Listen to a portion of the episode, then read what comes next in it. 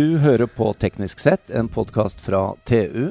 Mitt navn er Jan Moberg, og jeg sitter ved Kystmuseet i Vollen i Asker med Odd-Rikard Valmot. Hei, Jan. Odd-Rikard, det er elbåtkonferanse. eh, Men vi skal ikke bare snakke om elbåt, men vi må dette, Dette fører jo til litt andre måter å bruke båter på, som er overførbart egentlig til andre systemer. På en litt annen måte enn elbil var. Ja, på en litt annen Ja. måte.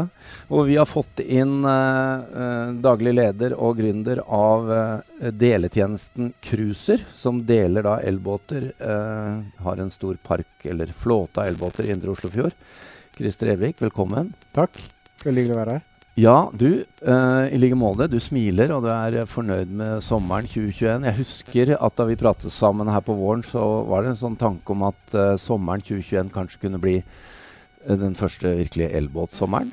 Har folk vært ivrig på å kjøre elbåt? Ja, absolutt. Føler at det har vært gått veldig, veldig bra. Viktigst for oss er jo å skape fantastiske kundeopplevelser. Kundene er fornøyd. Um, det brukes uh, ekstremt mye, uh, og det er gøy å se. Det er, uh, har vært skytteltrafikk fra vår største lokasjon på Aker Brygge. Og ja, folk er fornøyd. Er er det det å leie båt eller å leie elbåt som er den hoveddriveren? For det er jo ganske behagelig å gå ned og, og hoppe om bord i båt og så bruke den. Men el er, noe helt, er det noe helt annet? Altså El er jo for det første så er det helt stille. Ja, ja. Eh, Sånn at jeg, jeg mener at opplevelsen av båten blir noe helt annet. Ja. Eh, det er ikke lukt, det er ikke lyd. Eh, Ja, og det var jo forretningskonseptet deres. Det var jo ikke en tanke om å lage en motorbåt. Nei, nei. nei.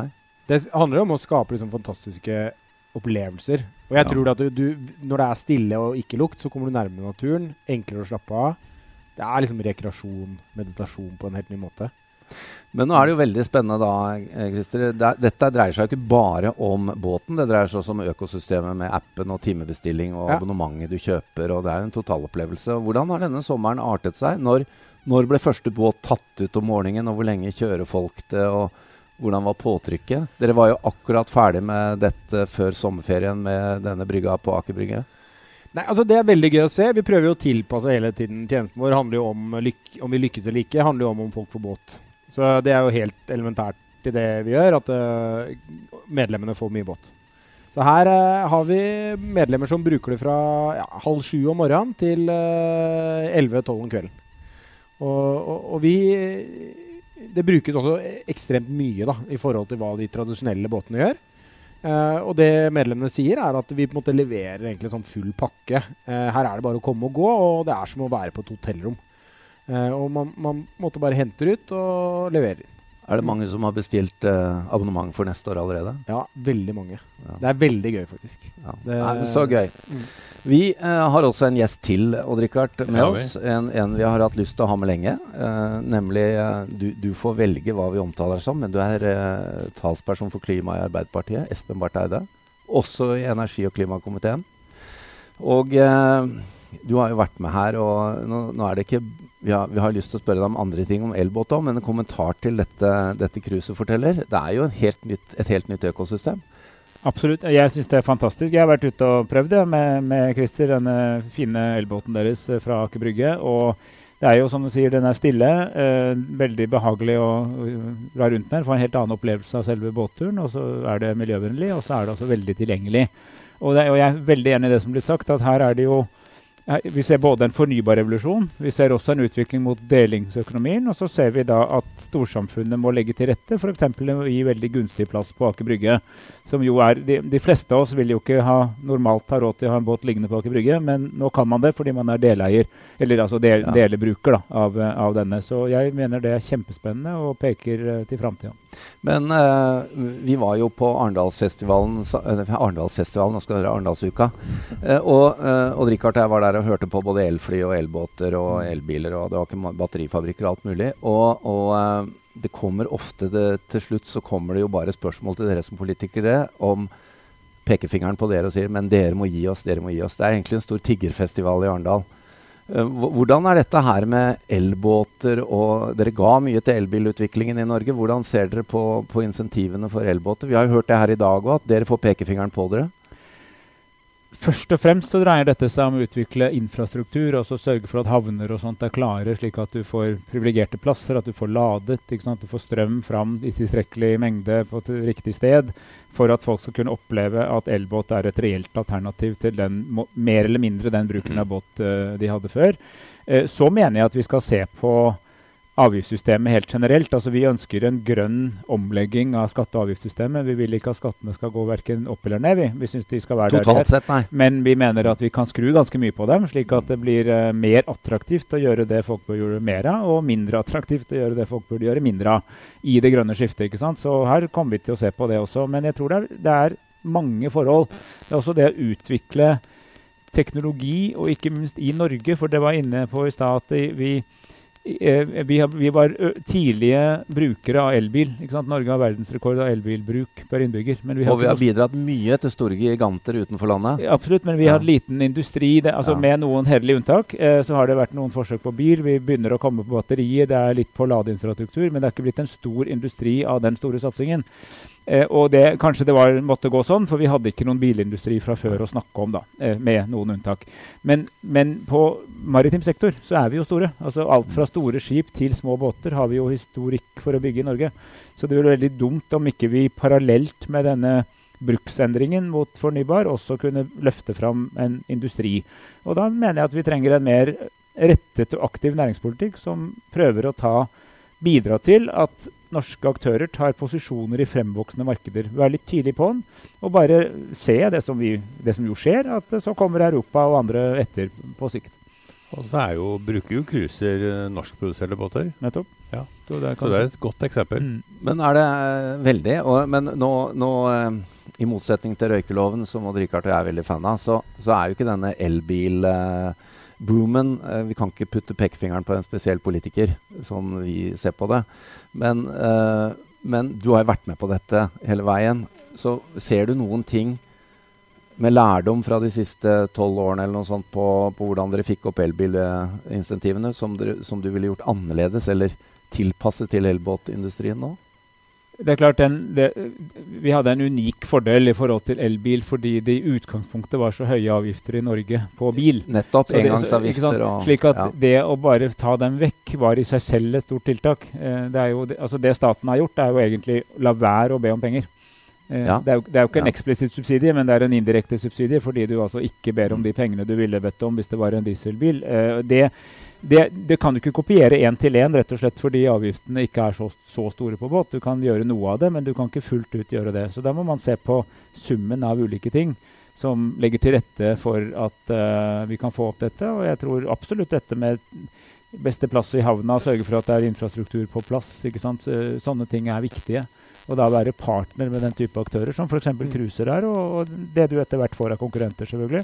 Mm. Men altså sørge for at de får det signalet at samfunnet liker det du gjør. Og vi kan altså med, en, si, med immaterielle tiltak, som f.eks. å prioritert plass i havna, mm. eh, bidrar vi til å løfte dette fram. Mm. Så, eh, men, men mitt viktigste lærdommen er at vi må sørge for at det, er, det kommer arbeidsplasser også. Absolutt. Eh, vi skal jo leve av noe etter olja, og vi jobber fortsatt med saken. for å si sånn. Ja. Bare en ting, Du er jo mye rundt i landet nå, det er valgkamp. Eh, hvordan opplever du kommunenes interesse for å tilrettelegge? For det er jo veldig mye hos de ansvaret ligger altså, det korte svaret er en uh, kraftig økende interesse. Ja. Uh, det er det korte svaret. Jeg og veldig veldig mange ordførere har lyst til å vise at deres kommune tenker grønt og moderne. Mm. Uh, og det, de, det, det, er de overbevist om. Det de er ute etter, er hva betyr det. Så da trenger de kanskje litt råd og innspill til hva det betyr i praksis. Men viljen er der nå, og det har vært en eksplosjon i løpet av de siste årene. Altså. Ja. Mm.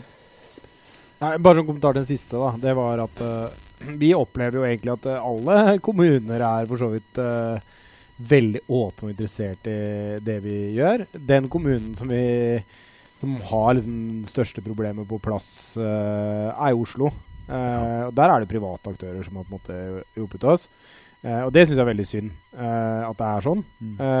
og fått kommet nå det siste, så har uh, Skøyen vært uh, innpå. Og det er på en måte veldig, veldig viktig. Jeg tror det er jeg tror det er veldig viktig at uh, kommunene tar liksom det grepet og sier at OK, skal vi, skal vi, vi skal hjelpe folk å, å velge. Eh, Ja. og ta de gode Gjøre det attraktivt, ja. Ja, gjøre det attraktivt. Sant? Omfordeling av ressurser. Eh, bestemme, liksom komme inn og stille noen krav. Eh, det gir ikke mening at man skal vente 15 år på en båtplass, når man egentlig kunne eh, tatt 15 av de, gitt den en delingstjeneste, og så hadde hele liksom, ventelista kommet seg på tur eh, med en utslippsfri båt. Så, så liksom Ja. Eh, mm. Ja, jeg lyst til å, det er to argumenter til for delingsøkonomien, f.eks.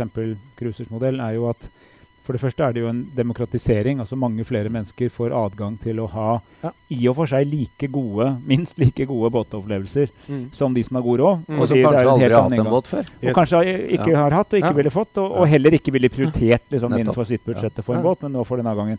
Det andre er jo, og som jo er liksom klima- og naturmessige argumentet, er at du lager færre dingser, men de dingsene du har, blir brukt mer. Mm. Ja. Eh, Istedenfor at du har veldig mange ting, biler, båter og sånn, som li bare ligger der, men som jo har hatt et stort utslipp i produksjonen, tross alt. Mm.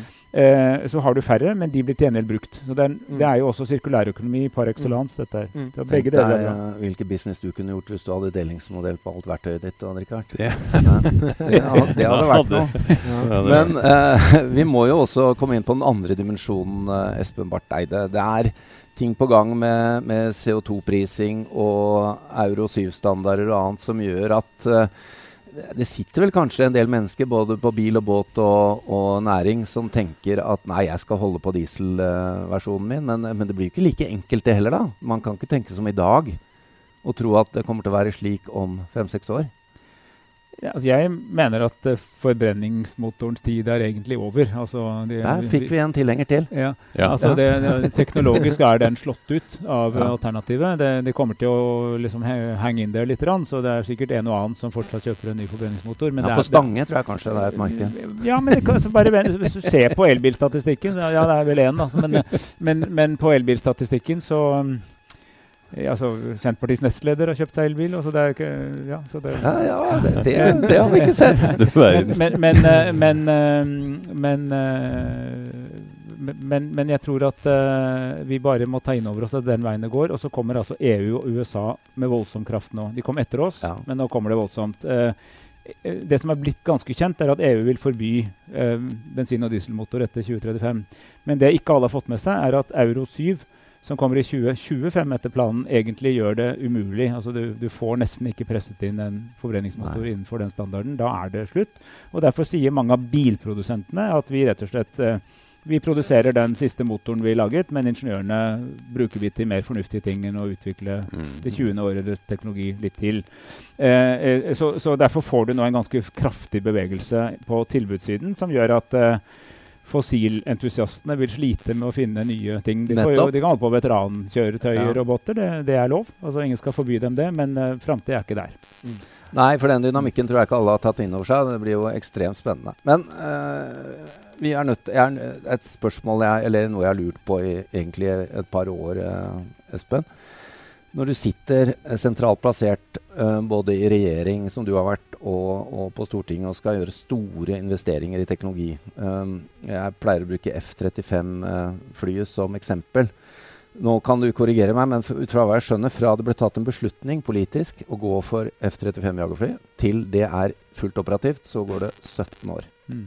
Ja. Cirka, ja. Hvordan i all verden tenker dere når dere tar en beslutning, og så, og så er leveransen liksom eh, et, et tiår eller to seinere? I mellomtiden får du elsparkesykler kastet over deg som du ikke visste, over, visste om uka før. og altså Ting skjer jo så fort. Nå besluttet vi F-35 i 2008, og de første landet vel i 2015. Men, men det var da med initiell operativ kapasitet, så du har var etter full, full implementering er lenger fram. Men dette tenkte vi mye på, eh, fordi vi var veldig bevisst på at vi måtte kjøpe et eh, framtidsfly. Altså det, hvis vi, Men det var jo ikke helt ferdig da Nei, dere nettopp. Nei. That's the Nei. point. Altså, poenget er at du må kjøpe et fly under utvikling. eh, som jo vil ta opp i seg de teknologiske utviklingene som også kommer. Hvis du hadde kjøpt et altså Noen av konkurrentene var bra fly, men de var ferdigutviklet. Og det, vil, det betyr at de 20 år etterpå er de litt gamle. Ja. Eh, og, og akkurat sånn tør tenk- å ta Ja. den, eh, det Ja, altså, veddemålet? Forrige gang vi gjorde det samme, så valgte vi F-16 eh, en gang på eh, 70-tallet. Eh, Thorvald Stoltenberg var da statssekretær og Forsvarsdepartementet jobbet med det. Eh, og, og jeg snakket med ham, for jeg hadde en tilsvarende rolle før jeg ble forsvarsminister og, og faktisk kjøpte de første flyene. Eh, og det var at også da valgte man et konsept under utvikling. Eh, mens konkurrentene da var sånn uh, JAS Wiggen og sånn, som på en måte i dag ikke flyr, mens F-16 er en av de mest vellykkede som utviklingsprosjektene som har vært. ikke sant? Så vi gjorde det om igjen. Men det er jo nettopp fordi du må ta inn over deg det som ligger i de spørsmål, er at teknologien fortsetter å utvikle seg. Hvordan kan du implementere det i de systemene du anskaffer? Kanskje neste gang det blir et eljagerfly? ja, kanskje det. Da trenger vi en batterirevolusjon. Ja, vel Atomdrevet, Rikard. Mer, ja, ja. apropos det, så var jo også en vurdering er det, er det fortsatt meningsfylt med bemannede fly. Og vi tok den beslutningen at ja, Ja. i én generasjon til. Ja, Men nettopp. sannsynligvis så vil ikke F-35 bli erstattet med et nytt bemannet fly. Da er det faktisk L-droner av ulike varianter som uh, overtar. Er Da røyk drømmen din om å bli jagerpilot, og Rikard. Ja. Nei, men altså, jagerflyene vil jo av sjette generasjon vil jo bli ubemanna også. Så det, så, og det, men den vurderingen tok vi. ikke sant? Og vi stilte et reelt spørsmål. Er det slik at vi fortsatt trenger et bemannet system? Og svaret var vi tror det. Eh, men sannsynligvis siste generasjon. Og det, det, tror, jeg, det tror jeg holder. Ja. Nei, det, men det var, det var en risiko likevel, da, som dere har stått godt i. Det- Kosta noen kroner. Ja, det har det men det er restverdi på F-16, da. Det er det. Ja, og det er verst. F-35 gjør akkurat det det skulle Men- gjøre. Gitt denne forklaringen og det spørsmålet, da, det er jo litt der vi nå er som, uh, som forbrukere òg. Og vi har kanskje vært det. Det er jo mange som har kjøpt ting som de ikke, ikke har verken sett eller tatt eller følt på før, før de får det levert. Og det gjelder jo også nå på denne elbåtbransjen vi snakker om. Uh, tenker du det er overførbart? At folk må ja, ligge litt frampå og stole på at løsningene kommer? Ja, jeg tror det. Jeg tror det er, og det er litt, litt sånn stikk i Der må vi lære oss å tenke på at vi forholder oss til en verden i bevegelse. Ja. Mens man kanskje, kanskje generasjonene før oss har tenkt noe som liksom var ferdig prøvd, ordentlig testa ut, var liksom det smarteste. Det er kanskje ikke riktig svar nå. Og så er det jo en avveining da, mellom eh, hvor avantgarde man skal være når. Eh, ikke sant? Man Mm. kan jo bomme den veien òg, men jeg tror kanskje at eh, det går litt der. Og da tenker jeg også nye deling, leasing, andre former for eierskap kan også være en måte å da være med på utviklingen uten å binde seg for veldig mange år. Gir deg en mulighet til å prøve? Du må ikke kjøpe bil. Nei. Det går an å ha den på andre måter. Vi, vi, vi opplever jo at uh, kunden uh, og, folk flest egentlig er superklare for å prøve. Ja. Og veldig på, på det. Så her tror jeg det egentlig bare gjenstår det som vi har snakka om. Uh, å å gjøre det tilgjengelig, rett og slett. Eh, raskt. Og jeg tror folk er villige til å teste det og prøve og utvide. Ja. Og bare tenk på hvordan altså, datateknologien og det at vi har apper til alt, Ja. hvor mye lettere livene våre er blitt. Altså, jeg husker da vi, for noen år, Det er ikke så mange år siden vi skulle leie bil. Så sto du i kø foran Avis eller her, så du fylle ut et skjema, kryss, underskrive 14 ganger. Ja. Og så etter hvert så fant du bilen, og den står langt borti der og går og finner den selv. Eh, nå er det jo sånn at jeg, gjør, jeg går ikke innom noen, jeg går jo bare og henter den. Ja. For den er, de vet at jeg kommer, og kontrakten er jeg laget her. Og jeg, hvis de fortsatt har nøkkel, så dropper du den i postkassen. Og om snart så gjør du ikke det heller, for du låser opp med Mm. den. Og det reduserer jo liksom, bryet da, med uh, deling. Ja. Og det andre som skjer, er at du, hvis du har en delingstjeneste så, av en eller annen art, så vil du med den samme appen se hvor er nærmeste båt eller bil, og er den ledig, og reserverer den en liten stund, og så går du og plukker den opp. ikke sant? Alle de tingene har jo vi i dag. Jeg vil tro det. Nettopp. Mm. Veldig bra. Vi må avslutte. Takk til eh, Christer Evik, og uh, takk til deg, Espen Barth Eide. Du, uh, det er jo snart valg, og til oss som andre som sitter rundt bordet, så går det jo mot et regjeringsskifte, og da er kanskje Dette vet vi jo ikke, men uh, kanskje blir Christer en statsråd som kan fikse disse tingene med Bra. Vridning til uh, mer bruk og sånn. Det ser vi fram til.